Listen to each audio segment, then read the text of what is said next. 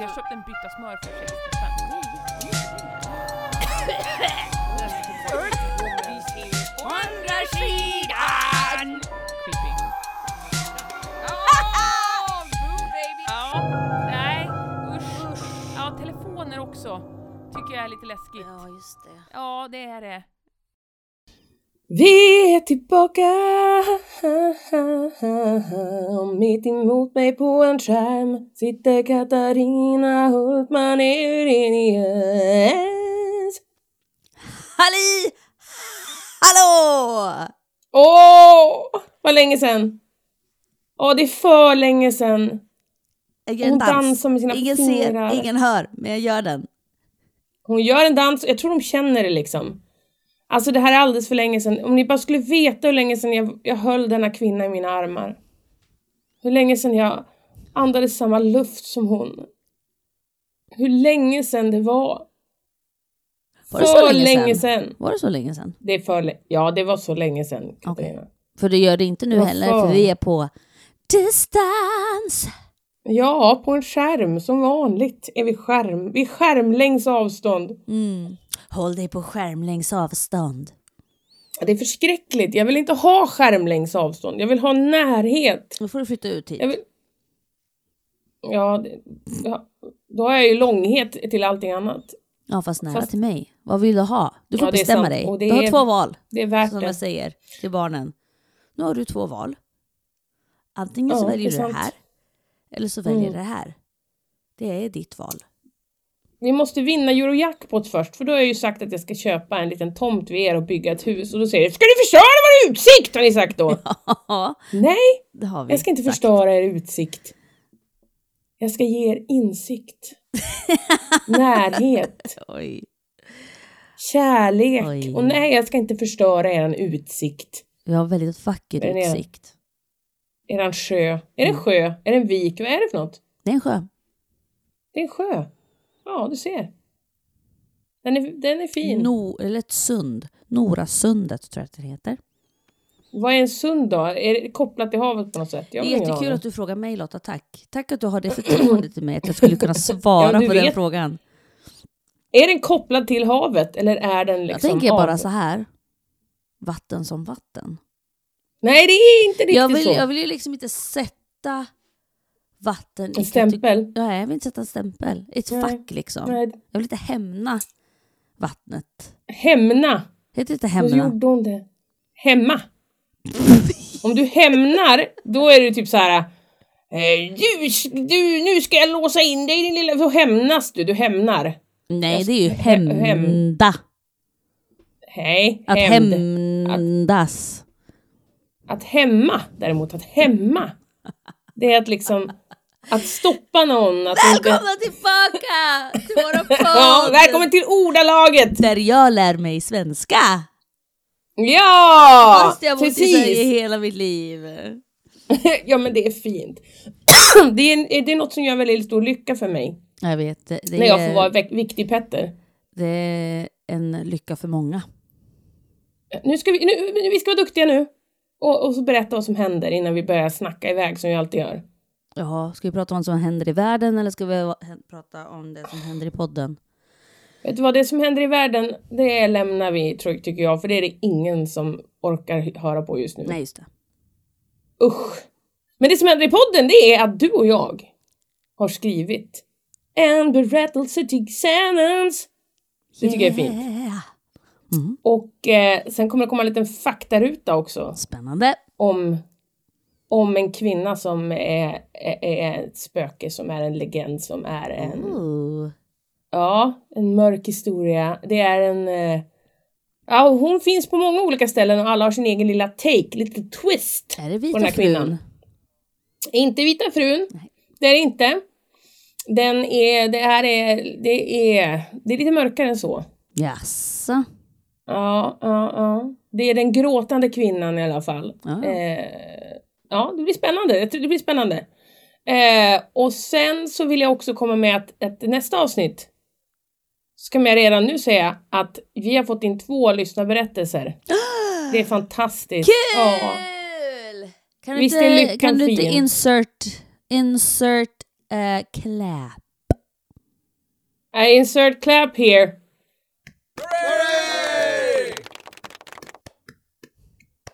Yay! Beautiful! Hur mår du Katarina Hultman Eurenius? du, tack att du frågar. Tack att du Åh. frågar mig. Ja, Ehm, ja, jag mår bra. vad härligt! Ja. Ja. Du har ju stått på scen och sjungit. Eh, ja, det har jag. Och Ja, jag inser, jag inser hur kul jag tycker att det är Att sjungla. att stå på scen. Ja, det är kul. Det är superkul. Det är kul. Jag älskar att stå på scen. Och det är kul. Jag tycker om att stå på scen för att jag är konstig. Och jag tycker om att vara konstig på scen. Ja, det är roligt. Det är roligt att Det stå på scen med dig. Man vet aldrig vad som ska hända. Man vet aldrig. Man vet Inte aldrig vad som kommer ur den där munnen. Nej, Nej. det vet man inte. Och det är bra tycker jag. Det tycker jag är kul. Så om ni vill se oss på scen tillsammans, Boka oss. boka oss. Boka oss. Information finns i... Vi skulle ju lugnt kunna vara en sån där podd som åker runt och bara, alla bara wow, helt oförklarligt, wow! och sen är vi jätteroliga och jag säger konstiga saker. Hallå, boka oss! We're super duper fun! Nu låter jag som den tråkiga. Ja, Nej. nu ska det vara riktigt. Vi ska vara inom ramarna. Du är väl inte tråkig och inom ramarna? Och så ska vi prata om spöken. Och läskiga...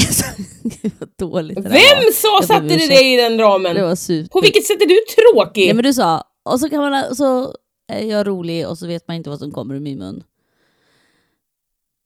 Jag kanske också ska det. unpredictable. Bajskorv! Vad menar du? Det visste Ja, det, oj, skulle det var komma en ut. predictable. Det visste du inte? Nej, det visste jag inte. Jag vet ingenting Nej. om vad som ska komma ut. Haha! Det stod Höga, kust, höga Kusten på din tröja. Ja, det det. Represent! Höga Men hörni- kusten kommer i förlorarson. Det är Thomas Eh, Ledin som kommer fram ur dig nu. Ja, min inre Ledin. Men Ja. jag vill ju också fråga dig, alltså jag skulle säkert kunna prata om mig själv mycket, mycket mer. Men hur är det med dig? Med mig? Mm. Ja, det, jag, jag tänker vi måste ju nämna elefanten i rummet, det vill säga jag. Eh, jag har ju inte mått så jävla bra kids. To be honest with you, to be honest. Det har stått still på Instagram-sidan ganska mycket och jag kan inte för mitt liv få Katarina att också få tillgång till den sidan, vilket gör mig så upprörd och arg och frustrerad. Men det måste ju ha skett något sen jag försökte senaste gången. Jag måste kunna göra det nu. Vet du vad? Efter det här ska jag fan försöka att få till dig igen. Det är dags nu. Mm. För jag kan inte sköta den där sidan. För jag är ju en jävla zombie. Ja, Cir- cirkulera tillbaka till dig själv nu, för nu börjar du bli arg på Instagram. Vem är du arg på egentligen? Åh nej. Hon har gått massa kurser här vet ni. En sån här... Sån här vet du, hon ser ju mig. Du kan hon se alla ju, mina känner- diplom bakom mig Lottie. Ja, jag kan se hennes diplom. Hon har diplom. Hon är en sån där människa som har diplom. Vet du vad jag har diplom i? Samlare. Excel! Excel-utbildning Och, har jag och diplom det i. är inte lätt. Nej, fast Good inte lika Anja. fancy. Good Anja. Mhm. The Excel. Yay! Du har ju coola diplom. Vadå? Att Du är ju värsta ställa typ. frågor? Ja, och yin-yoga-person. Jag älskar att min man trodde att yin-yoga, det tyckte det var som världens bästa idé. Dricka gin och yoga samtidigt. Jaha, Mm. nu pratar du runt ämnet eh, humor Lotta. Och elefanten i rummet Ja, som alltså, du okej. skulle prata om. Ja, eh, så kan det vara. Eh, det, är, det är sant. Eh, jag är ju... Jag är på en resa skulle man kunna säga. Jag har kommit på saker om mig själv. Alltså vi har ju väldigt mycket olika diagnoser som snurrar runt i vårt hus. Vilket har kommit på att de kommer någonstans ifrån och det är som att man får typ aha, okej, var det därför det blev så då, den gången? Är det därför jag är lite derp när jag står på scen? Är det därför, alltså du vet såhär, börja koppla saker, att jag börjar säga typ, är det därför jag känner mig så jävla socialt awkward jämt när jag är bland folk? Ja men du vet så här. det, det finns starka, det finns starka eh, pilar som pekar på en, en viss bokstavskombination för mig som eh, börjar på A, slutar på Det. D. Eh, jo, det gör den. A, Börjar på A. Slutar på... Ja, det där kaffet jag skulle dricka förut. Ja, ungefär så, ungefär så. Ja, det är så många saker som har blivit så här. Jaha, det är därför det här inte funkar. Jaha, det är därför jag blir så här. Ja, det är intressant, men det är också väldigt omvälvande i livet, i ens själv. När man upptäcker det liksom. Mm. Förstår ni? Jag tror att det finns många som förstår. Ja, det är nog många som förstår. Det tror jag. Och det är också så här. Ja, det är, det är mycket både och. Mm. Det är mycket både och med det där. Mm. För jag tror inte att jag hade varit så derp som jag är om jag inte hade haft ADHD. Heller. Men jag tycker det är så intressant. Vi lever i ett samhälle där vi vill, vill sätta diagnoser på allt. Och det tror jag är för att man Ja. ska kunna förstå det. Mm. Ja. Ha en att, vi tycker ju inte om det man inte kan förklara. Helt enkelt. Nej, precis. Nej. Och då så är vi ett bokstavskombinationsland. Värld Mm. just nu. Och det är bra. Ja, det är bra, men jag tycker att det kan gå till det extrema också. Om jag, om- jag ska få vara så modig och säga så. För jag tänker också att, ja, okej. ja, eh, ja, vi tar väl ADHD eller ångestproblematik eller beteendeproblematik eller vad man nu kan säga. Eh, men det är också jag. Och att Mm. jag ska kunna få vara jag och ha en plats Mm. i det här samhället.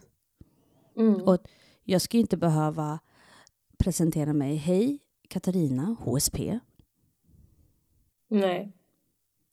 Nej, Nej det, det tycker jag inte att man ska. Men däremot tycker jag det är bra att diagnoserna kommer fram för då får man se hur många som faktiskt inte platsar in i den här mallen av vad som är förutbestämt Absolut. att så många ska kunna. Eh, och liksom den här, den här mallen som, jaha, men gud, det fanns ju ganska många som inte plats, platsade i den här fyrkanten som vi har gjort. Mm. Det var ju ganska många som var runda också eller typ så här stjärnformade eller allt möjligt som inte går ner i en fyrkant. Eller inte hade någon form överhuvudtaget utan bara var Nej, en rörlig och då ram. kanske man måste ändra på den här ramen. Mm. För ju fler, för förut så var det ju så liksom, det är ju det som att jag gillade ju aldrig skolan. Mm. Aldrig någonsin. Och alla andra har studsat dit. Åh vad kul, du är i skola igen! Åh jag längtar till sommarlovet är slut! Du vet sådana där saker. Mm.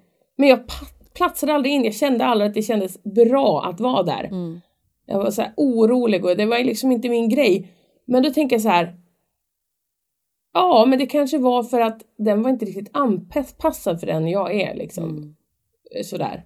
Ja, det är intressant. Men Jag nu vill, blev också, det här. jag vill vi- också säga att jag tycker att det är bra med, för jag tror att i vuxen ålder speciellt, när man har fått gått ett helt liv och bara känt sig annorlunda, att det finns faktiskt Mm. ett namn på vad jag är. Alltså det finns ett namn, Mm.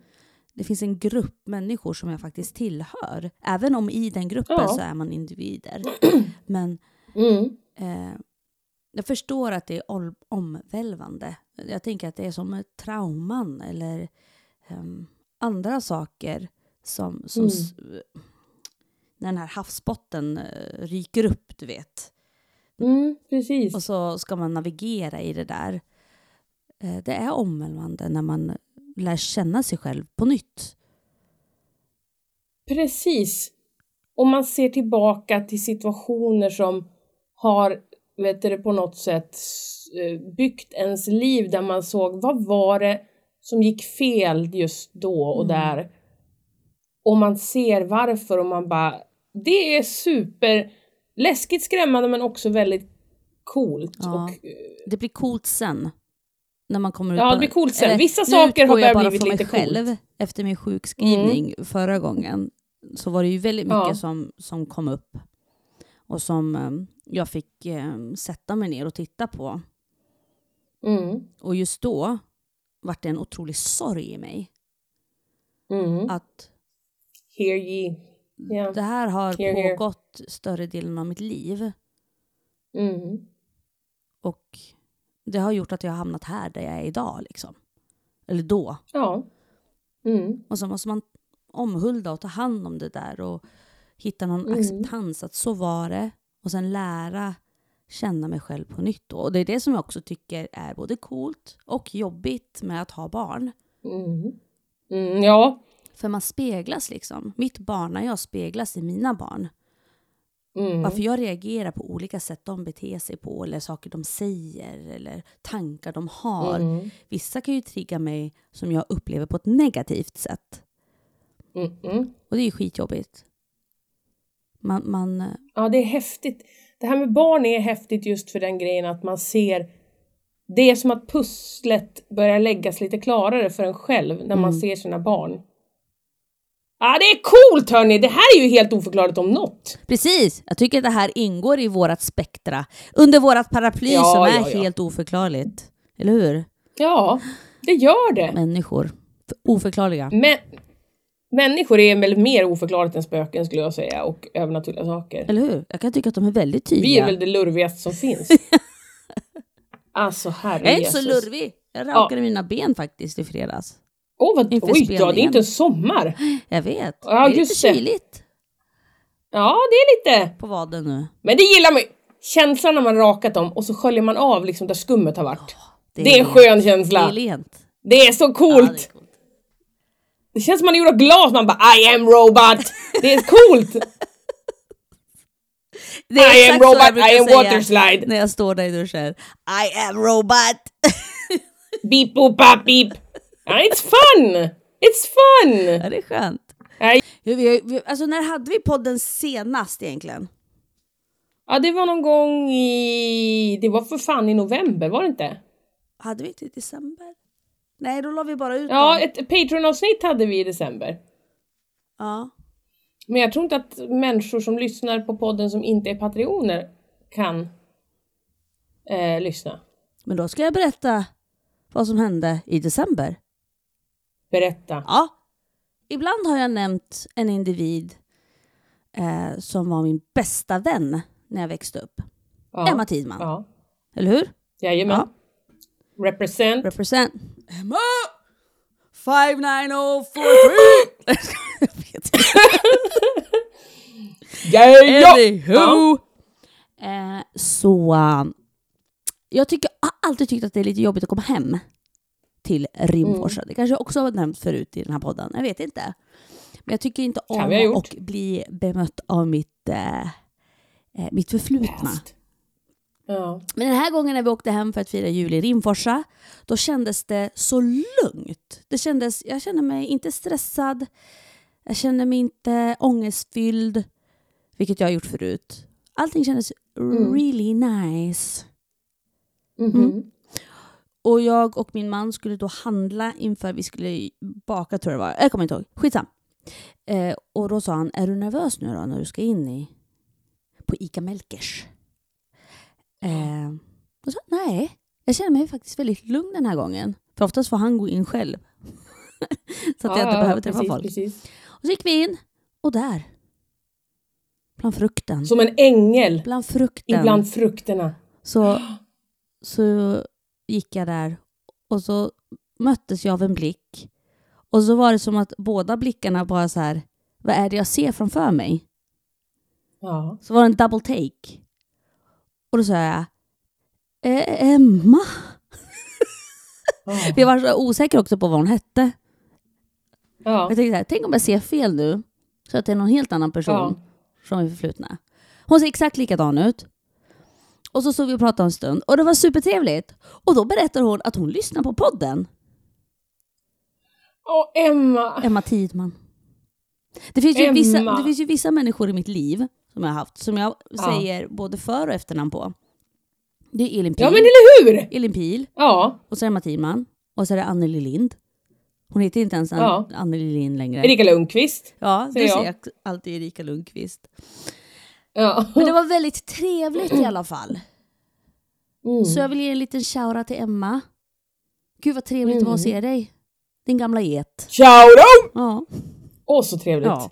Åh så trevligt! Vet ni vad? I december hade jag också en sån upplevelse. Min Emma Tidman, Mm. Madde, hon är en fantastisk människa. Vi hade så här, jag måste berätta, det här är extremt gulligt. Jag var en sån som lekte väldigt länge. Mm. Jag lekte väldigt länge med typ så här med Barbies framförallt. Mm. Jag älskade Barbies. Åh, jag kan fortfarande älska Barbies. Men eh, då i alla fall så, så hade alla andra slutat för alla andra var coola. Vissa hade till och med börjat tjuvröka i sexan. Eller var de töntiga? Ja, egentligen är det tönt. Egentligen är det tönt. Egentligen var ju jag och Madde de coola. Absolut. Egentligen, om man tittar tillbaka på det. Absolut. Så var ju vi de coola. Mm. Men hur som helst. Då istället för att erkänna att vi skulle hem och leka med Barbie så sa vi ah, vi ska gå och skriva lite historier. Eh, vi gillar att skriva. Och det var ju så himla så här, för att ofta att man typ, i vanliga fall säger man bara ja ah, men vi ses hemma hos mig så leker med Barbie. Nej, utan nu gjorde vi värsta grejen för att ingen fick upptäcka vår hemlighet. Så bara, tar du med dig den röda pennan? Då var det ett kodord för en speciell Barbie. Ja, men då tar jag med mig den gröna pennan. Vad bra, så vi kan skriva vår historia. Ingen, alla bara, vem fan bryr sig? Sluta. Och vi bara, oj vilken bra historia vi ska skriva! typ alldeles för, vi var inte så bra på det här med att liksom vara lite cool. Lite suave.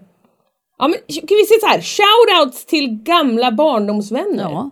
Bästa vänner. Jag stötte i alla fall på min Madde och min Madde kom in i mitt hus och min Madde blev troligtvis smittad utav våran jävla pesten vi hade på, sju, på julafton när vi hostade ihjäl oss. Men ändå, det var fint och jag, jag gav henne den gåvan. Men grejen är, när- jag Ja. träffade Emma, då kunde inte jag göra någonting annat än att skratta. Nej. För det som jag, nu, jag kan ju inte säga hur Emmas upplevelse var, men Emma var ju en jätte, jätteviktig del av min uppväxt. För att med Emma så var jag, så här nu när jag tittar tillbaka, eh, barn länge. Mm. Och det var så skönt. Du och jag har pratat förut privat Mm. liksom om det här att våra barn ska få hitta sin person. Ja. Och hur viktigt det är, eller viktigt, nu sätter jag en väldigt vikt i det.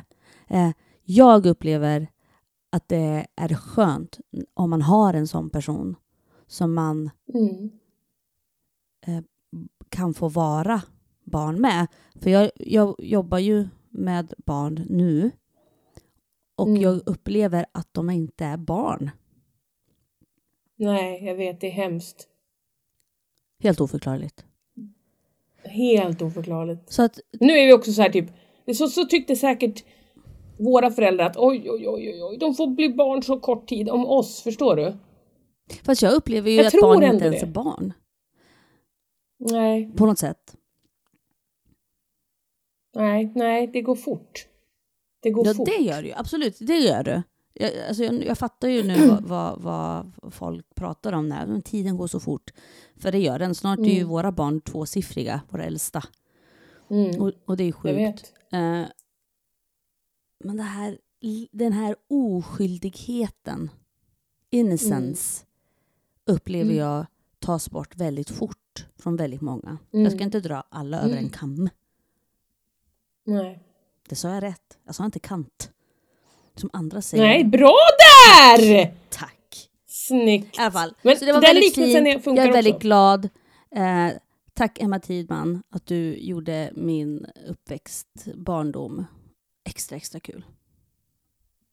Och tack till Madde för, med samma ord. Fan vad mycket roligt man har haft i sitt liv. Eller ändå. hur? Ja, Ja. vad mycket skojs.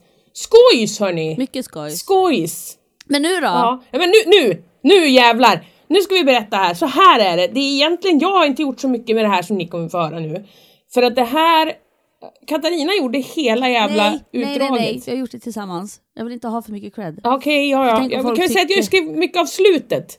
Mycket av slutet. För man märkte att du tröttnade lite grann mot Jag slutet. vet inte hur man typ så här, Och sen avslutar. var det slut och allt blev bra. It's the story of my life. Jag vet inte om man avslutar någonting. det var, därför, det, det, var, för det var verkligen så här, det var så, alltså intricate, det var bra liksom. Det jag har gjort egentligen i början av historien är att lägga liksom till lite ytterligare saker. Men, men mot slutet så var det verkligen så här. man hörde att du tröttnade lite grann. Att, och sen Slut. så flyttade de och allt blev bra, säger vi att du hände. Slut! Hej då! Slut. Klick! Ja, men det, det, det, det kommer bli spännande. Vad, vad, döp, vad heter den här historien? Tilde. Den här historien heter Tilde och den är skriven av Katarina Hultman Eurenius och Lotta Hultman.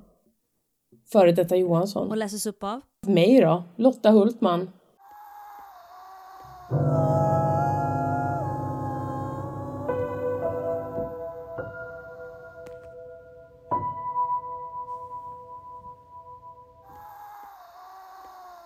I mina ungdomsår var jag tillsammans med en tjej som hette Tilde. Det är också mitt namn och folk tyckte det var så sött att vi tillsammans var Tilde och Tilde. Och det var sött. Vi var söta. Tilde var min första flickvän. Jag kom ut när jag var 15 år gammal och Tilde lika så. Vår relation var, till en början, helt underbar. Vi hade så roligt ihop. Vi skrattade, vi tränade fotboll i samma lag, gjorde läxor tillsammans och hånglade hela tiden. Och när vi sov över hos varann så stannade vi uppe och pratade ända in på småtimmarna om allt mellan himmel och jord och mot slutet även helvetet. Vi hade varit ihop ett tag när vi en dag var hemma hos mig och bytte om inför en kommande fotbollsmatch när jag plötsligt såg ett märke på Tildes skulderblad som jag aldrig hade sett förut. Det var ett brännmärke.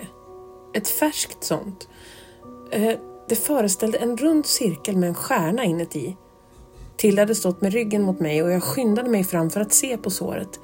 Jag rörde vid det lätt och frågade henne oroligt vad det var som hade hänt. Hon ryckte till som av plötslig smärta men också av en slags förvåning och en skamsenhet. Hon rådade lätt. Äh, äh, det var bara jag och pappa som lekte runt lite och så råkade han bränna mig, svarade hon undflyende. Har din pappa bränt dig? Jag lät och var chockad. Hon började flacka med blicken och staka sig. Nej, nej, förlåt. Äh, alltså det är ingenting. Jag har bara gjort illa mig. Okej, sa jag och släppte det för jag märkte att hon blev obekväm. Men tanken på brännmärket gnagde i mig. Vad hade hon menat med att hennes pappa hade bränt henne? Vårt lag vann den matchen vi spelade med 5-3 och det var min Tilde som gjorde de flesta målen.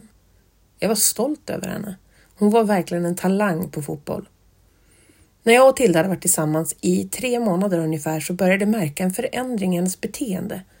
Den där glada tjejen med nära till skratt, den sociala och närvarande personen jag hade lärt känna och blivit kär i, började på något sätt bli dämpad och tillbakadragen.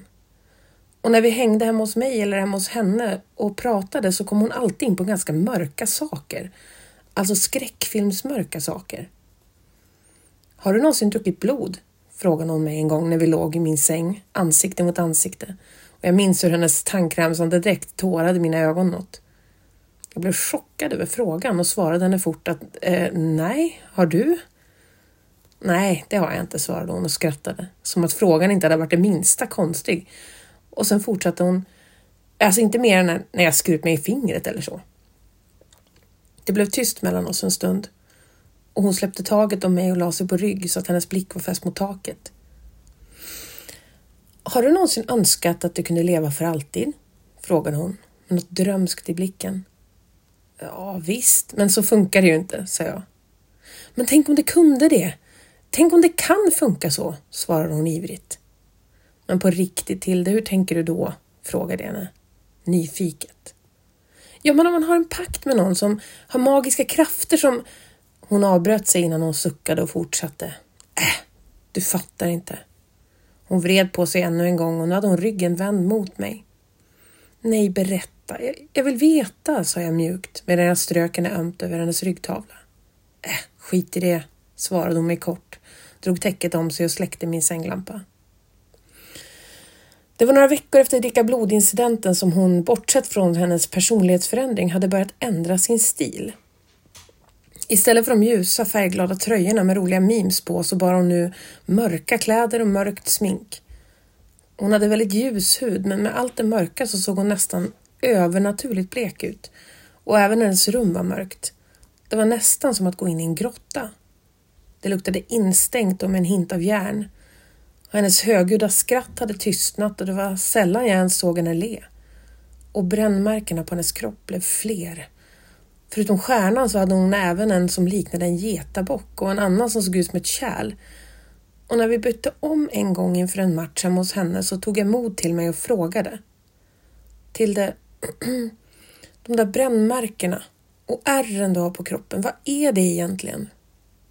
Skit i det, svarade hon mig. Men jag vill veta. Är det någon som gör dig illa? De ser ut att göra ont. Äh, i början så gör det ont men sen är det ganska skönt. Ja, men svara mig nu. Vem är det som bränner dig? Är det du själv? Jag hade börjat bli irriterad. Varför förstod hon inte allvaret? Det är pappa, svarade hon kort medan hon fortsatte klä på sig sin matchtröja och därmed dolde sina märken. Alltså Håkan. Din pappa Håkan? frågade jag förvirrat. Nej, han är inte min pappa, svarade Tilde, som att svaret var självklart. Va? sa jag chockat. Jag hade aldrig hört talas om en andra pappa. Diablo, sa hon. Som att jag skulle förstå. Men Tilde, sa jag och log menande och himlade med ögonen. Men Tilde såg gravallvarligt tillbaka på mig. Ja, Tilde, Håkan är inte min riktiga pappa och nu släpper vi det. Vi måste gå på match, sa hon argt. Och den matchen förlorade vårt lag med 7-0. Men vad jag inte visste då var att det skulle bli Tildes sista match. Dagarna gick. Hon blev blekare och blekare och nästan genomskinlig. Hon slutade i princip att prata förutom om hon svarade på tilltal och då använde hon sig av mycket korta svar. Hon var borta från skolan, slutade med fotbollen och ville inte umgås med mig. Istället hängde hon med ett gäng killar och tjejer som jag aldrig hade sett förut. Hon hade alltid ursäkter om varför jag inte kunde komma hem till henne eller varför hon inte kunde komma hem till mig. Och när vi väl träffades så hade flera veckor passerat. Jag fick en chock när jag såg henne. Hennes rödlätta, långa, vackra hår var nu färgat svart och hon var mörk under ögonen. Hennes hud var så blek att den var transparent och hon var otroligt smal. Jag hälsade på henne när jag steg in i hallen i hennes hus men hon svarade knappt på min hälsningsfras utan nickade endast trött åt mitt håll. Hur är det? frågade jag henne. Hon tvingade fram ett leende. Det är jättebra, svarade hon. Jag hörde att hennes röst var svag och sprucken. Okej, okay, men du ser inte så pigg ut, sa jag oroat. Schysst. Här har vi inte sett varandra på flera veckor och det första du säger till mig är att jag inte ser så pigg ut, svarade hon irriterat. När färgade du håret? Förra fredagen, tycker du om det? frågade hon med en antydan om ett hoppfullt leende på hennes läppar. Ja, det är fint, men jag tycker om din vanliga färg mer, svarade jag försiktigt. Okej, okay, men jag kommer aldrig ha min vanliga färg igen. Vi bestämde oss i alla fall för att baka tillsammans och när vi tvättade händerna så såg jag att hon hade bandage runt båda handlederna och små röda blodstänk visade att sår gömde sig därunder och att de var färska. Tilde, vad har hänt? frågade jag oroligt och tog hennes blöta händer i mina. Hon drog undan sina händer snabbt och skamset. Jaha, det här, nej, det, det var dumt. Jag slant med kniven när jag lagade mat med pappa. Vad menar du när du säger pappa? Håkan eller... Jag försökte finna orden. Den där Diablo. Hon tittade på mig som att jag hade sagt något riktigt hemskt till henne. Ja, din pappa Diablo eller Håkan eller ja, vem då? fortsatte jag. Hon stirrade på mig med mörk blick. Ja, men förra gången sa du att Håkan inte var din riktiga pappa. Att Diablo var din riktiga pappa, sa jag menande. Kom hon inte ihåg? Jag fattade ingenting. Det blev tyst mellan oss och man kunde ta på spänningen i köket. Och hon sa till mig att jag behövde gå hem och att jag aldrig skulle säga det där namnet igen. Hon tämligen knuffade ut mig genom dörren, stängde och låste dörren mitt framför näsan på mig. Jag hann inte ens sätta på mig mina skor och min jacka, för de hade hon slängt ut tillsammans med mig. Jag stod bara där i strumplästen och stirrade mot den stängda dörren. Och där och då fattade jag ingenting av vad som hade hänt eller vad som hände. Jag skulle komma att träffa Tilde en sista gång innan hon försvann för gott ur mitt liv och allas liv. Jag var inne i mitt rum och pluggade inför ett prov när mamma knackade på och sa att Tilde var hos oss.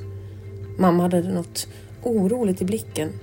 Jag slog ner min blick, tog ett djupt andetag och suckade när jag bad mamma att släppa in henne.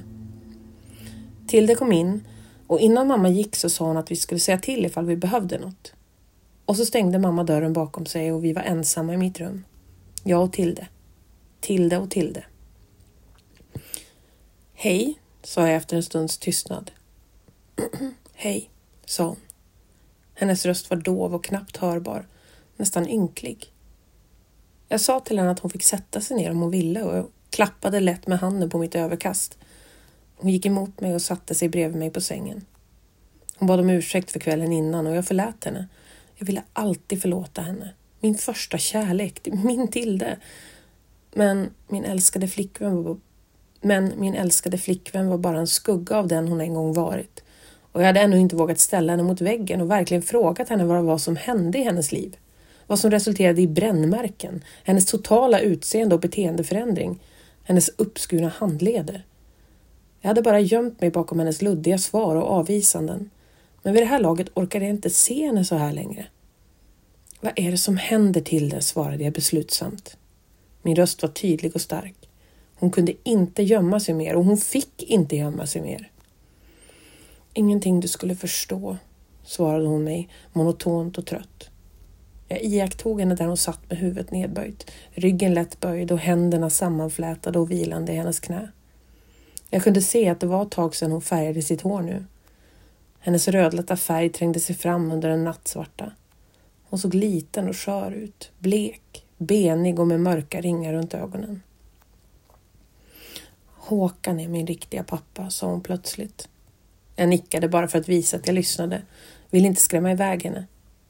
Diablo är bara någon som jag träffat. Jag träffade honom innan vi blev ihop. Jag satt tyst och lät henne berätta. Vi är några stycken som brukar gå på möten emellanåt, men vi har umgåtts mer intensivt den senaste tiden. Och nu när mötena har blivit fler, jag vågade knappt andas, men jag ville veta mer. Jag tog ett djupt andetag och frågade hur hon träffat Diablo i första taget. Jag försökte inte visa min oro, min starka, bubblande och förlamande oro. Kommer du ihåg att jag sa att jag gått på en fotokurs? Mamma och pappa tyckte att det skulle vara bra för mig under skilsmässan att, att liksom hitta ett sätt att uttrycka mig på. Jag nickade till svar. Han var läraren där. Hon tittade ner på sina händer och jag tog dem i mina. De var som isbitar. Tårarna började rinna ner för hennes kinder. Tyst och utan ansträngning föll de och landade ner på våra sammanflätade händer. Jag frågade försiktigt ifall hennes föräldrar visste att hon gick på de här mötena. Hon svarade att hennes föräldrar inte visste någonting och att hon bara bråkade med dem. Hon hade börjat smyga ut på nätterna. Men jag har slutat gå på de där mötena nu, fortsatte hon. Jag tittade på henne och jag sa att jag tyckte det lät bra. Och så frågade jag henne vad det var för grupp hon gått med i. Och mellan tårarna fick hon fram att gruppen hette The Society of Forever Living och att de dyrkar djävulen. Och att Diablo är ett annat namn för honom. Han säger att han är vår riktiga pappa och jag har trott på honom. För min pappa har liksom inte brytt sig om mig. Han har inte sett mig. Han har bara gått runt i sin egen misär efter skilsmässan, sa hon uppgivet. Hon tog en paus och andades djupt. Det är han som bränt mig. Alltså, han har märkt oss alla. Och det är även han som färgat mitt hår och det är han som skurit mina handleder. Jag satt i chock men jag försökte värma hennes iskalla händer. Hon började berätta något mer men hejdade sig. Det var som att hon inte fann orden eller som att hon var rädd för något osynligt. Som att hon berättat något hon inte fick berätta. Jag strök henne kärleksfullt över håret medan jag sa att allt var okej och att hon kunde berätta för mig. På det senaste mötet jag var med på gick någonting snett, sa hon och började helt plötsligt att gråta. Tårarna föll inte tyst längre utan nu hulkade hon fram dem och jag kramade om henne hårt och jag bara lät henne gråta och omslutas. Jag ville hålla henne så för alltid. Men efter en stund släppte hon taget om mig och fortsatte berätta med skakig röst. Har du hört talas om den där killen i stan som har försvunnit? Jag visste direkt vem hon pratade om. Charlie. Charlie var en kille som hade gått på vår skola och han hade drogproblematik. Det sades att han hade suttit hemma med sin mamma och att de tillsammans tagit droger den dagen socialtjänsten kom för att hämta honom. Han hade omplacerat sitt familjehem i vår stad för cirka ett år sedan och mer än så visste jag inte. Jag kände honom inte. Men förra veckan började det pratas i korridorerna på skolan att pojken som tog droger med sin morsa, alltså Charlie, hade försvunnit. Men det verkade som att man trodde att han hade rymt från familjehemmet för att hitta sin mamma. Han var med i gruppen, fortsatte Tilde. Vi tappade blod i ett kärl och Diablo skar för djupt i Charlies handleder och vi fick inte stopp på blödningen, stakade hon fram. Jag tror han dog, sa hon mellan tårarna. Och jag är säker på att jag är näst på tur till det. Nu skakade hela hon och jag kände hur även jag skakade. Det var som att hela rummet skakade och som att marken under oss rämnade. Men jag försökte hålla mig lugn. Jag försökte trösta. Men gud Tilde, vi måste säga till någon, sa jag till henne allvarsamt. Hon tittade på mig med ren och skär skräck i blicken. Vi kan inte säga till någon, för då kommer djävulen och hämtar oss. Hämtar mig, sa hon. Hon grät nu ohämmat. Livrädd, men beslutsam bäddade jag ner Tilde i min säng och hon somnade direkt. Jag smög ut ur mitt rum, gick till mamma och pappa och berättade sen allt till hade berättat för mig. Det är ett under att de hörde vad jag sa genom all gråt, snor och min skakiga röst. Mamma och pappa lyssnade chockat och tårar fyllde deras ögon. Min fina mamma och pappa som alltid lyssnade och alltid trodde på mig. Alltid stöttande. I chock ringde de Tildes föräldrar och sen ringde de polisen och när jag kom tillbaka till mitt rum var Tilde borta. Hon hade rymt genom mitt fönster. Jag stack ut huvudet och skrek hennes namn rakt ut i det tysta villakvarteret men jag fick inget svar. Jag rotade bland kuddar och tecken för att hitta min mobil och jag ringde till henne men kom bara till det automatiserade mobilsvaret. När hennes föräldrar dök upp var de helt utom sig av oro. Men när de fick veta att Tilde inte var kvar hos oss så gick de in i en helt ny nivå av panik. Allt var kaos. Polisen kom och intervjuade mig och jag fick berätta Tildes historia flera gånger om. De frågade mig frågor som jag inte kunde svara på, som till exempel vad Diablos riktiga namn var, vart de brukade träffas och om jag någonsin träffat honom. Vi ringde Tildes mobil tills den tog slut på batteri och utan kopplingssignaler gick direkt till röstbrevlådan. Efter några dagar hittade de Charlie i en gammal övergiven vindpinad lada som låg en bit utanför vårt samhälle. Han hade förblött. Han låg på det hårda jordstampade golvet med ansiktet vänt uppåt och med stirrande öppen blick som var riktad mot takbjälkarna ovan honom. Under honom hade någon ritat en stor stjärna med en cirkel runt. Ritat i blod. Stora mängder blod. Någon vecka senare hittade de resterna av min älskade Tilde ute i skogen på ett stort stenblock. Hon hade eldats upp. De hittade aldrig Diablo eller de andra som Tilde hade nämnt. Tiden efter Tilde var mörk och jag blev aldrig densamma. Allt runt mig påminde om henne. Alla frågor som aldrig fick eller fått några svar.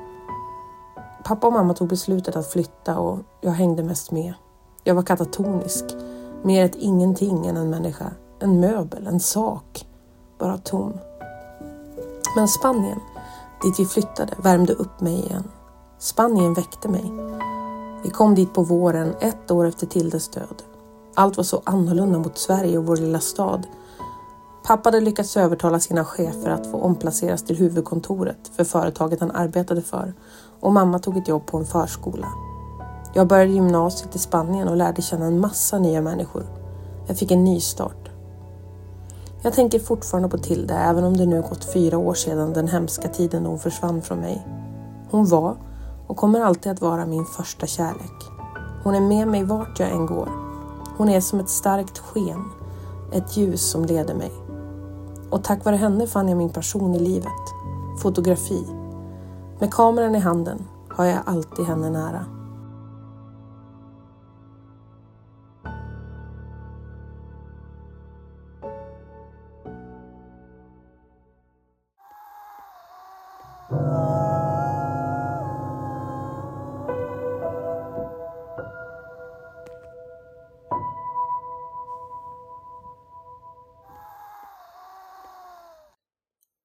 Katarina, nu har jag en fråga till dig, för nu är historien färdig här. Eh, vad, vad det här? Var kom det här ifrån? Vad menar du? Vilken mörk djup vrå har du grävt fram det här ur? Jaha, nej men det, var, nej, det är när jag har suttit hemma och gjort eh, upp eld. Mhm. Våran eh, öppna spis. Eh, Okej, okej. Nej, i kaminen. Vi har ingen öppen spis. I kaminen, ja, du vet.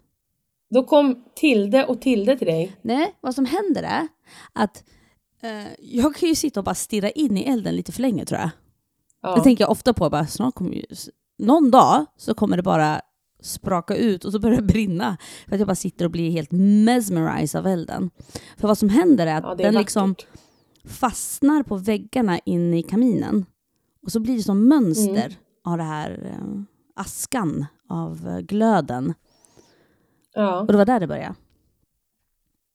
Slippery slope, Kiki. Slippery slope. What can hide in the flames? Eller hur? Men då var det det här som Ja. kom ut. Men jag tänker att det kan ju bli en annan historia. Ja, det, det, här, det var väldigt kul att läsa, läsa det här.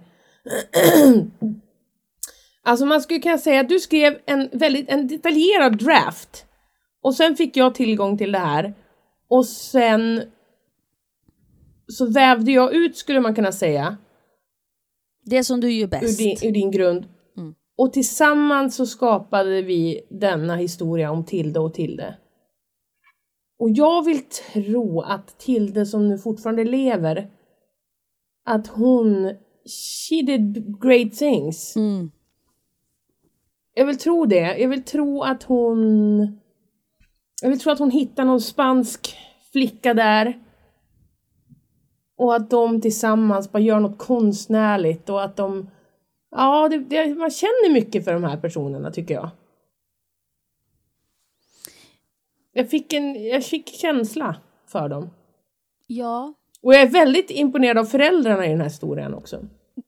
Ja. De är ju inte, jätte, de är ju inte i tror. framkant. Det är de ju inte.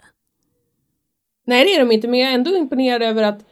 För jag vet inte vilka föräldrar som skulle... alltså, för jag tänker att det här är ändå 90-talsföräldrar. Hon är ju äldre nu. Mm. till det som, som där det avslutas så, så är hon ju äldre. Mm. Och jag tänker så här att om jag kom till mina föräldrar och sa att åh, min kompis hon, hon är med i en kult och de har massa blod och grejer och sånt där. Då skulle de bara, men skärp dig. Typ. Wow, wow, wow, slow your horses little lady. Eller säga, Slow your du little får horses inte umgås little med lady. henne längre. Och sen sop, sop. sop Ja men ungefär, och så slutar vi där. Mm. Ja men ungefär. Jag, jag är imponerad över dem, även om de, de hade ingen stor del i historien men de fanns där för Tilde. Ja, och Tilde. Ja, Och Sen funderar Jag jag, på om Tilde och varför, varför, varför gick hon? Varför stannar hon inte kvar? ja varför gick hon? Varför stannade hon inte kvar i rummet? Mm. Varför var hon inte kvar? Hon var ju så lugn, men då kanske hon kände att jag har berättat det jag ska, jag har gjort det jag ska, nu går jag och avslutar det här. Kanske det var någon sån grej. Kanske. Eller vart hon kallad? Hon kanske blev kallad. Ja, det är mycket där. Som man, det vet ju inte vi heller. Nej. Och vem sjutton vet var du fick den här historien ifrån, eldslukerskan? Ja. Det vet vi Oh, inte. jag ska börja med eldslukning. Och, och nu Åh, gör nej, hon det någonting som som helt annat att vi än inte sänder live. eldslukning. Såg ut som något helt annat när hon symboliserade eldslukning i sitt lilla rum. ja, Men nej, har du haft- Jag, jag jag, tänker- jag, tack. Förlåt, fort, säg. Nu pratar jag med någon. Nej, nej, jag säger ingenting. Jo. Du frågar, har vi haft? Nej, fortsätt du. Du Jag frågar har mig. glömt. Jaha, nej men jag, jag, jag, du, nu minns jag ju fan knappt vad jag heter. Vem fan vet? men! nu kom, nu kom vi på något samtidigt. Men nu kom jag på att det här öppnar ju upp för er. När, när vi nu gör det här, då öppnar vi upp våra dörrar för era författartalanger, era möjligheter till att eh, ge oss eran era historier som bor i er som ni kanske inte har upplevt men som finns där och som ni vill få upplästa. För att jag eh, tycker att jag vet att det finns talang där ute. Absolut. Vi gillar egenupplevda historier, det är ju det vi lever för. Det är ju det som är startade podden. Men det är en tight korridor att gå i. Så nu öppnar vi upp för era, kre- kreativitet helt enkelt. Precis. Ja. Skicka. skicka det som ni har varit med om, men skicka också det som, som bor i er som behöver komma ut. Eh, och eh, bara ge oss, ge oss lite saker bara. Come on, come on ladies and boysies. And everything in Ja, between. vad ville du säga? And everything in between these, of Nej, men jag course. tänkte så här. Eh, jag vart ju också lite inspirerad av de här eh, individerna när jag växte upp. Så när man började högstadiet började färga håret svart och ha så här ett choker med piggar på och Ja. eh, Mm. blekt smink, så puder, super, superljust puder Ja. och sånt där. Vart jag också lite inspirerad av. Och började ha så här häx... Eh, Pentagon eh, också. Ja. De som vågade sticka ut. Ja, och så tänker jag så här. Mm, slippery slope. Slippery slope, absolut. Och varför Men dras också- man till det? Ja. Varför finns det individer? Och det tänker jag, for- de här individerna finns fortfarande på högstadiet och gymnasiet. Liksom, ja. Som har Pentagon och som har eh, ja, snackar om djävulen och, och allt sånt där. Alltså, är det för att det är lite eh, så här mm, adrenalin påslagshärligt? Eller Tror jag. är det bara för att man vill vara rebellen? Eller varför? Jag skulle all, alltså, nej, aldrig i mitt liv att jag skulle börja ens leka med att Nej, inte ha symboler på Men mig. vi kan ju säga, då kan vi öppna upp dörrarna även för detta. Vad, alltså du vet, en historia av en för, från en före detta eller kanske fortsatt goss eller typ tonårshäxa. Oj, nu tappade jag örat. Eh, ska se. Du vet, förstår ni vad jag menar? Alltså den som vågade sticka ut och var tog det er? Var fick ni det ifrån och vad? Det är också intressant. Ja, Eh, mm. För att liksom... eh, jag tror att det är söka spänning, söka identitet, söka liksom någonting annat än det som pågår runt. Man kanske inte passar in i det här facket av, av vad en typisk tonåring är. Vad är då min grej? Men också att bara liksom söka the thrill av någonting. ja. Det, det är mycket som är intressant. Det är mycket som är intressant. Och sen så vart jag också inspirerad för jag tittade lite kanske väl mycket på så här kultdokumentärer. Mm. Folk som startar kulter. Eh, Heter det Mm. kulter? Ja, du menar sekter? Sekter, Sekt- det heter cults på engelska. Det heter sekter. Som skapar, sek- alltså som startar sekter. Mm. Folk följer. Och det låter ju helt sjukt. Mm. Eh, Men oftast väldigt karismatiska, säkert eh, psykopatiska personer, kanske eh, sociopater. Sådana som ja, ja, ja. är lätta att följa. Mm. För jag tänker, om Tilde hade sån, alltså Tilde som gick med i sekten, eller den här gruppen, hon verkade ju ändå ha föräldrar som var närvarande. De var skilda och hon tyckte att pappan hade varit lite så här att han hon tyckte att han hade svikit henne lite grann. Mm. Ja, för ofta när man går med i, i en... Nu ska ofta som att jag någonsin har gått med i en sekt. Det har jag inte. Så jag vet inte. Jag, När man går med i en sekt. jag har gått med par stycken. Eh, när, man har, när jag har tittat på dokumentärer så verkar det vara att de människorna som på något sätt ehm, saknar riktning är de som dras in, dras med. För att de Mm. känner att de blir sedda Mm. och känner sig viktiga Mm. och så vidare. De som inte riktigt har ett fotfäste än. Precis, och då De som kanske... Ja, Tilde ja. kanske var på en sån plats i och med att hennes föräldrar var skilda. Mm. Och hennes... ja, hon var i, i, i ett uppbrott. Ja. I en förändring. Mm. Och då är nog man lättast att ledas någonstans. Mm. Liksom. Vad det nu än kan vara. Mm. Ja, det är intressant careful, i vilket fall kids. som helst. Careful kiddos! Följ våran, Men vet ni följ vad? Om, våran podd. om inte det här avsnittet... Oh, nu, nu pratar vi i munnen på det, förlåt. Om inte det här avsnittet ska bli 150 miljoner år långt, vilket jag gärna... Alltså jag vill ju aldrig sluta prata med Katarina. Men nu har ju tydligen Erik ett jätteviktigt möte! Åh, jag heter Erik har möten! Hela tiden. Antingen ska man åka till Kramfors eller så ska de ha möten. Men jag tänker att det här Åh, avsnittet får vara lite långt också, tänker jag. För att det var så länge Ja, sedan. Det var faktiskt väldigt länge så sedan. jag tror nog att lyssnarna vi- vill fylla sina öronsnäckor med våra Ja, för vem har inte saknat otroligt de här ljuva rösterna? röster. Ja, Som gud, pratar ja. i munnen på varandra. För att vi är så ivriga! Ja. Ja men det, det är ju den där, det- den ivriga lilla bävern i mig. Är ju, är ju alltid redo. Jag är också ivrig. Men jag tänker så här, du är också en ivrig bäver. Nu ska vi se här. Är du ändå redo för en faktaruta? Ja, men vi tackar eh, oss själva för att vi har skickat in den här Ja, berättelsen. tack för oss. Tack för att vi är så jäkla bra. Snyggt jobbat! Katarina och Lotta. Go team us! Go team us! Nu vill min, min, min dumma telefon inte hitta faktarutan, men vi, vi, vi ger den en liten chans, en liten tid att, att, att samla sig.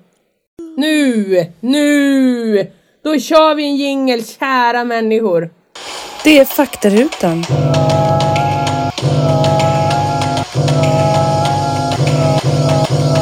Faktarutan.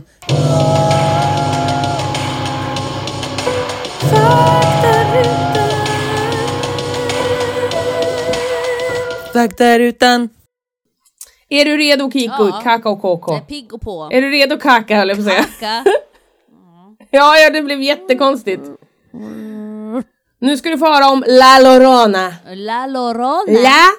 Nej, det blir ju dubbel-L. Då blir det La Llorona blir det då. La Jorona.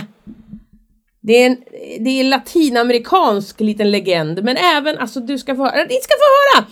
La Jorona betyder den gråtande kvinnan. Och det är ett hämndlystet spöke som då, det grundar sig ur mexikansk eh, folktro. Och hon, La, La Jorona, sägs eh, ströva omkring nära vattendrag och sörja sina barn som hon dränkte själv under, i ett svartsjukt raseri efter att hon har upptäckt att hennes man var otrogen mot henne. Ja, Tog hon ut det på barnen? Redan där. Ja men redan där känner jag, det var väl dumt. Dränk honom istället. Ja. Dränk ingen. Ta barnen och stick och säg bye då. Mm. Eller hur? Ja. Det, det, det är, men det är i alla fall vad, vad det grundar sig i. Men vad kommer då det här ifrån? Jo, under tidig kolonialtid förstår ni så, så gavs bevis för att den här historien skulle komma, kunna komma från, från något slags spansktalande land i alla fall.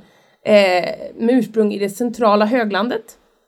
Men La Jorana förknippas oftast med kolonialtiden och eh, dynamiken mellan spanska conquistadores och ursprungskvinnorna.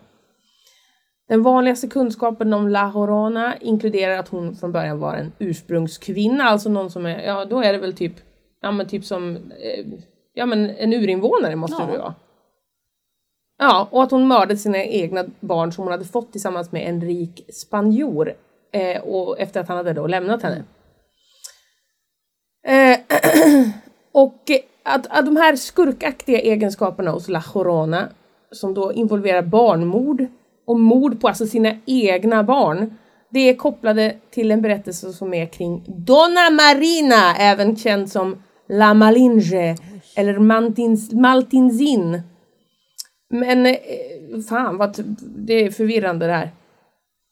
Men La Jorona är i alla fall mest känd i Mexiko och sydvästra USA, men sydvästra USA ligger ju väldigt nära Mexiko så det är inte så konstigt. Mm. Den tidigaste dokumentationen av henne, den spåras alltså, all, i alla fall tillbaka till 1500-talet, Mexico City. Åh, nu tappar jag örat igen!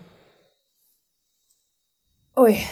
Men det finns ju eh, teorier om att hon är kopplad även liksom så långt bak som till aztekerna Oj. och aztekiska mytologiska skapel, skapelseberättelser. Och då kallas hon den hungriga kvinnan. Eh, och det är då en klagande kvinna som jämt gråter efter mat. Eh, vilket då, och det kan jag ju känna igen. Är det jag? Den är upp, Är det jag? den är upp, eh, ja det är jag, det är mig de har skrivit den efter.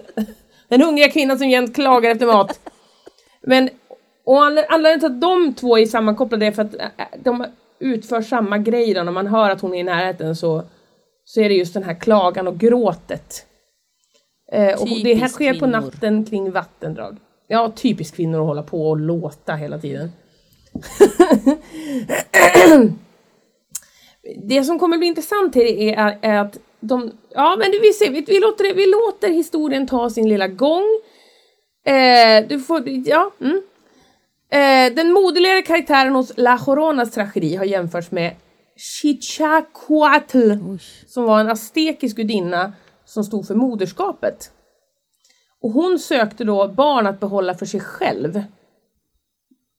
Det låter lite så här läskig kidnapparperson.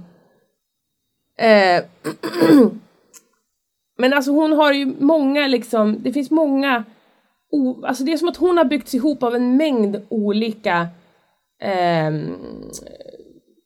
tro, olika liksom berättelser från långt tillbaka och mer nutida och sådär.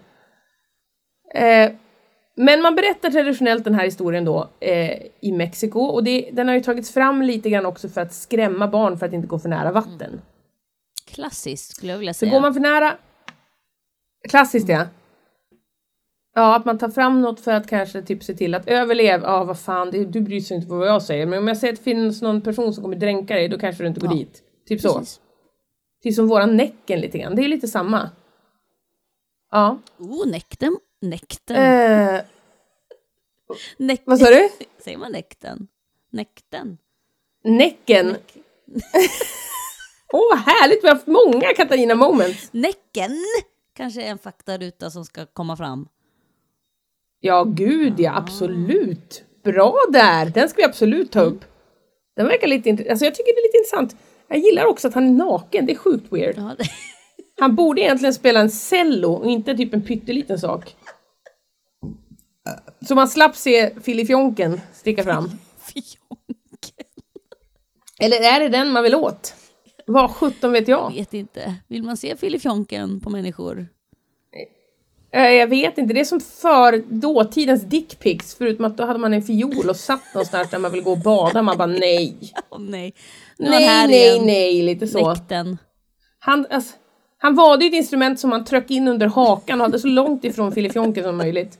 Så att hela härligheten skulle synas. Herre min Jesus. näck- Då tycker jag, Näcken. Oh, vad svårt då. Jag vill säga Näcken. nekten. Jag vill det. ja det är inte rätt. Nej. Men näcken är rätt. Du gör det så bra. Ja, det är kämpigt för mig. Ja, det är, det är kämpigt. Det är kämpigt på många... Det, så är det för mig också. Men jag kämpar. när jag går och gråter efter mat. det är kämpigt alltså. Det, visste du att det är den som den grund, mig den grundar sig på? Men hur som helst! Eller du kanske har Det är vanligt ju- embodied den här Ja, ja, ja. spirit. Jag är en rakt nedstigande led. rakt nedstigande led. Känner jag. Jag känner att jag, I, I, I can relate. I can relate. Men det är i alla fall vanligt med fantomer just av kvinnor som gråter. För vi gråter ju så mycket vi kvinnor, du vet. Ja. Eh, gråter, berättelser om gråtande kvinnliga fantomer det är vanliga i folktron. I både iberiska och indiska kulturen. Alltså, det är väl, ja.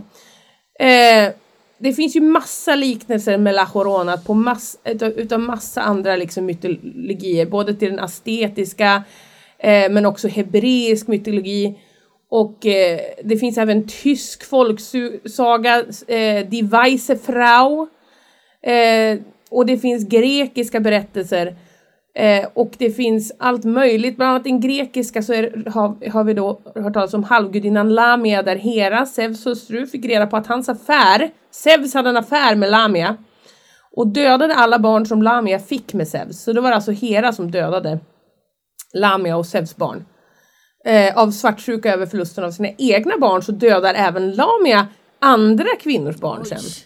På grund av det. Alltså jag tänker Ja, så här, go to the source. Ja, go to the source, eller hur? Ta bort Hera, och jävlar! Eller ta bort Zeus, Ja. det är han som är den största Hallå. bajskorven i hela. Kan inte de slå ihop sig? förutom mannen själv? Ja, eller hur? Jag tycker att eh, Zeus, nej jag menar Hera och Lamia ska gå ihop och sätta sig och dricka lite vin, snacka och bara, alltså den här gubben vi har att göra med. Han är ju det. Kan inte du, och jag bli ihop istället och så gör vi slut med Zeus. Kanske att de behöver Och en så adopterar vi en massa barn. också. Ja, kanske. För att som jag förstår det så var de här gudarna ganska hämndlystna. Ja, de gillade att vara lite elaka med varandra. Som man Ser du ser. att jag ser nöjd ut, ut att jag sa hämndlystna? Väldigt, väldigt, väldigt bra Tack så gjort. mycket. I'm impressed. Men i alla fall! Alltså e- en viktig text i den här eh, om La Corona så finns det en, en florentinsk text som har ett ursprung i Mexiko, alltså från 1519, med ett citat då eh, att det sjätte om, omen, det var att man många gånger skulle höra en kvinna gå med gråtande röst skrikandes Och mina barn, vi är på väg att gå för alltid. Och ibland sa hon, Åh mina barn, vart ska jag ta er? Ja. Eh, men nu ska vi se, den tidigaste publicerade hänvisningen till La Jorona är en sonett från 1800-talet av den mexikanska poeten Manuel Carpio. Eh, dikten talar dock inte om barnmord utan snarare så är La Jorona ett spöke av en kvinna vid namn Rosalia som mördades av sin man. Eh, det finns massa olika detaljer och versioner av den här som ni har förstått. Eh, i en typisk version av legenden så gifter sig en vacker kvinna vid namn Maria, en rik rangero eller conquistador, som hon får två barn till. En dag så ser Maria sin man med en annan kvinna och i ett anfall av blint raseri dränker hon deras barn i en flod, vilket hon genast ångrar. Och oförmögen att rädda dem och eh, självklart väldigt ledsen av det så dränker hon sig själv men kan inte komma in i, i the afterlife utan hon måste vara i skärselden och ströva omkring på jorden tills hon hittar sina barn. Och i en annan version så är hennes barn oäkta och hon dränker dem så att deras far inte kan ta bort dem för att uppfostras av sin nya fru, alltså den som han var otrogen med. Eh, och när man då ska se henne då ser man då att det är en kvinna i, som är vit och genomskinlig, hon har våt klänning, och hon gråter och hon skriker och hon är i närheten av vatten. Eh, och i Mexiko är den här legenden djupt rotad. Eh, och berättar som sagt för barn för att uppmuntra dem att inte vandra iväg i mörkret, för att inte gå nära vattendrag och floder och sjöar. Och man har, hon har blivit målad många gånger också och blivit framställd i olika konstverk. Eh, det finns även en årlig teaterförställning som utspelar sig vid vattnet i eh, och då kallas den Legenda de la La Jorona. Eh, och den utspelar sig vid kanalerna i stadsdelen Jorge, men gud vad många saker. Jojimilco i Mexico City. Ja, men jag måste bara säga att jag är väldigt imponerad av alla dina uttal. Åh, tackar tackar. Tyckte- Tackar tackar. Jag bara... I'm faking it till I'm Ja, making it. det. Grattis. Ja, du vet. Grattis. Jag är bra på fake it till I make it. Men det här börjar de med alltså 1993 och det görs i samband med de dödas dag. Men Guatemala har också sin egen lilla teori om henne. Eh, och enligt deras lokala legend så handlar det då om en kvinna i Guatemala City som hade en affär eh, med en älskare då, som hon blev gravid med. Och födde ett barn som heter Juan de la Cruz som drunknade för att hennes man inte skulle få veta om otroheten då. Eh, och då kvi- kvinnan dömdes i livet efter detta att söka efter sin mördade son på varje plats där det finns bara som en vattenpöl. Så även bara liksom en liten, liten vattenplupp. Hon gör det genom att ropa efter honom. Och där är en, vad, ska, vad, vad är det? Vad mormor flåsar du för? Cruz.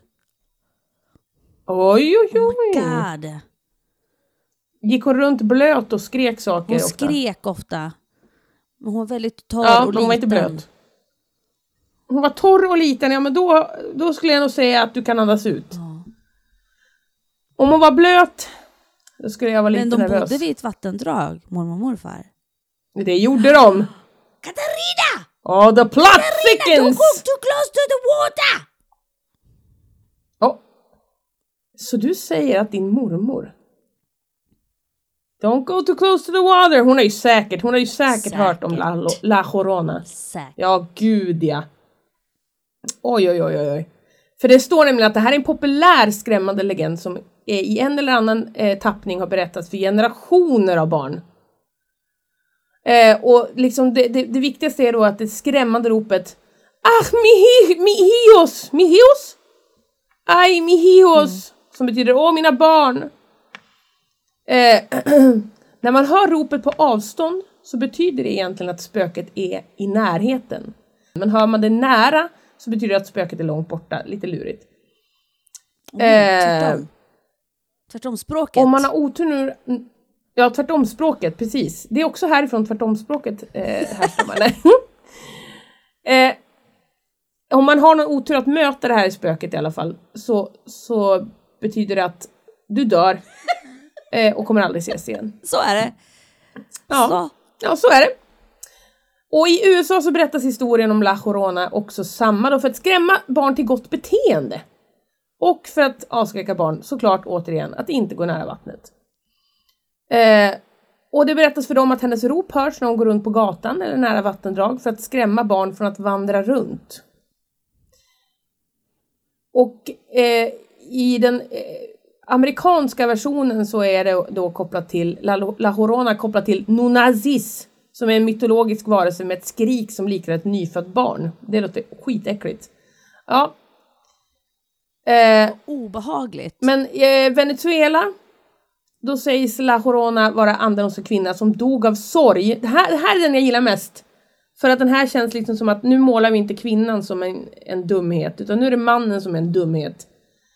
Eh, och då sägs La, La, La Jorona vara anden hos en kvinna som dog av sorg efter att hennes barn hade dödats.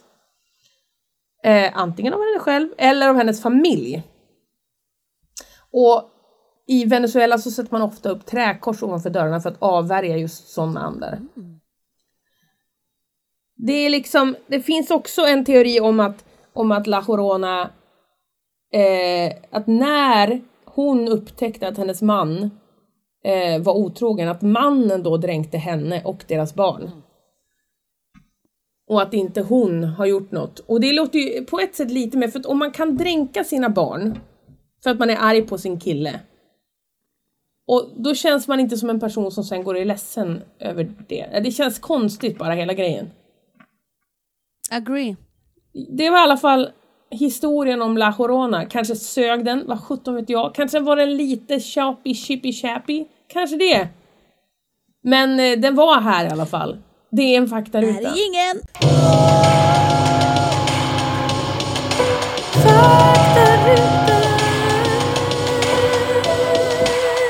Faktarutan. Bilibibba, boop. Kolla vad jag har lärt mig. Vad har du lärt dig? Och nu gör hon något med händerna. Hon gör peace-tecken med fingrarna. Ja, hon gör ett hjärta med sina fingrar. Och så är hon väldigt koncentrerad, tungan ur mun. Åh, vad fint! Jag har lärt mig det. Hon gör ett hjärta. Vänta, håll kvar nu så jag kan ta, ta en screenshot. Oj då. Så fint! Det får ni se på Instagram sen. Att jag har lärt mig saker. Även gamla hundar lärt- kan lära sig att rulla. Fingra. Även gamla hundar kan lära sig att fingra. Jajamän! Jag har hört att det här är Jajamän! liksom millennials sätt att göra hjärtan på. Jaha, det är dåligt. Den här när man tar liksom hela handen och formar till ett hjärta. Och det här är det nya. Men de coola, ja det är de här coola, ja. vet du, ungdomarna. Det- De gör det med två peace-tecken. För det, det är mer liksom, det är inte lika klumpigt hjärta förstår du. Det är Men jag mer, tänker också att ett hjärta upp och ner ser ut som en stjärt. Men det ah, nu ska ni få höra något mer som också är lite faktarutigt. Du vet väl var hjärtat kommer ifrån? Ja. Hjärtat kommer ju inte från stjärten, men alltså symbolen hjärtat. För vi alla vet ju att hjärtat inte alls ser ut så där bakom vår bröstkorg. Den ser ut mer som en typ, jag vet inte, deformerad eh, Ja, den är inte baseball typ. Den är inte snygg. Den är inte snygg, den är kladdig och venig. Men då är det då, det är faktiskt skinkorna. Skinkorna och ryggslutet fast sett upp och ner. Det är därifrån hjärtat, symbolet hjärta kommer. Så varje gång du målar ett hjärta så målar du egentligen en stjärt. Och ett ryggslut. Stjärta. Ja, en stjärta. Eh, Ja. Så att det är fint. En rump. Vad duktiga vi, var, vi har varit nu. Ja, det tycker jag. Ja, ja, ja, ja det tycker jag. Vad duktig du har varit. I think so Vad myself. duktig du har varit Lotta. Ja, tack. Jag har varit duktig. Showing up. You showed up. You did it. I showed up! Oh, my nose itches. Ja, nej men vi, vi har gjort det bra tycker jag. Jag tycker vi har gjort det bra. Och nu ska, så ska du låta din man gå på möte och, och jag ska läsa in en historia. Mm. Och vet ni vad? Nästa avsnitt, det kommer att eh, bli med lyssnarberättelser. Back to the basics. Back, to, the befores. Back to... Word up! Och vi väntar oss mer av er. Ge oss mer. Ge oss mer för guds skull. Visa vilka ni är. Kanske Emma har en berättelse. Har hon några författartalanger? Kanske Madde har några författ- författartalanger. Hon lyssnar också på podden. Det är så mycket vi har att göra. Så mycket att ge. Ni har har så göra. mycket att ge. Ni har så mycket att ge oss. Ni har så mycket Vi att har ge så oss. mycket att ta. Ge oss bara. Vi älskar att ta. Ja, vi har så mycket att ta. Om det är någonting Ja, vi det är känner en- för en mina Lotta, favorit. det är att ta. Ja, vi, vi gud vad vi oss tar. aldrig av oss själva menar jag. Aldrig. Nej, utan vi, Aldrig ger vi oss av är oss för själva. Ta, så små skator. Ja, ja, så ge oss så vi kan ta för guds skull. Ni vill ju ändå se oss lyckliga. Annars går, Och kommer vi gråtandes och gnällandes. Ja. Och nej, la corona. Jag vill ha mat! Och så ska vi låta som så spädbarn också. Ja. Åh, vad duktig Oj du då. var! Vad kan? Vad du kan! Tack. Jag kan inte, jag kan inte det Fint. svenska språket, men jag kan låta som en bebis som gråter. Ja, väldigt imponerande. Kanske akta dig så inte kommer någon och börjar amma dig eller någonting otäckt. Obehagligt. Alltid lika obehagligt när mina Ja, det är väldigt min obehagligt. yngsta frågar ifall jag fortfarande har mjölk i mina bröst. Ja, men det frågar mina du- barn mig ibland också. du, så att, nej, men, har du mjölk? Han ser så söt också. Har du mjölk kvar? Nej. har du mjölk? Om jag skulle suga där, kommer det mjölk? Ah, nej, gå härifrån! Usch! Ja, då brukar, så där gör ett av mina barn också. Då brukar jag säga så här, en gång i tiden så var de här dina. Så, så, så är det, så är det. De var dina, men nu är de mina igen. Och nu är det inga barn som ska vara på dem. Tack så Alltså, mycket. Det är typ så. min yngsta. Men då måste du skaffa till barn som kan dricka mjölk. Och så gör han en liten, liksom, en Eh, liten Men det kanske är tuttningsmin. dags att introducera Dirty Dancing. This is my dance space. This is your dance space. Ja, ja. This is my boobies. Those are your boobies. Och min yngsta säger Keep alltid att jag har en snopp och jag får alltid säga nej. Det har inte jag. Nej. Jag har ingen snopp. Så är det. I'm a she, her. Och med de orden så tycker have- jag att vi säger... Vi ses, Vi ses på andra sidan! Åh, vad duktiga vi är! Jag har köpt en bytta smör för 60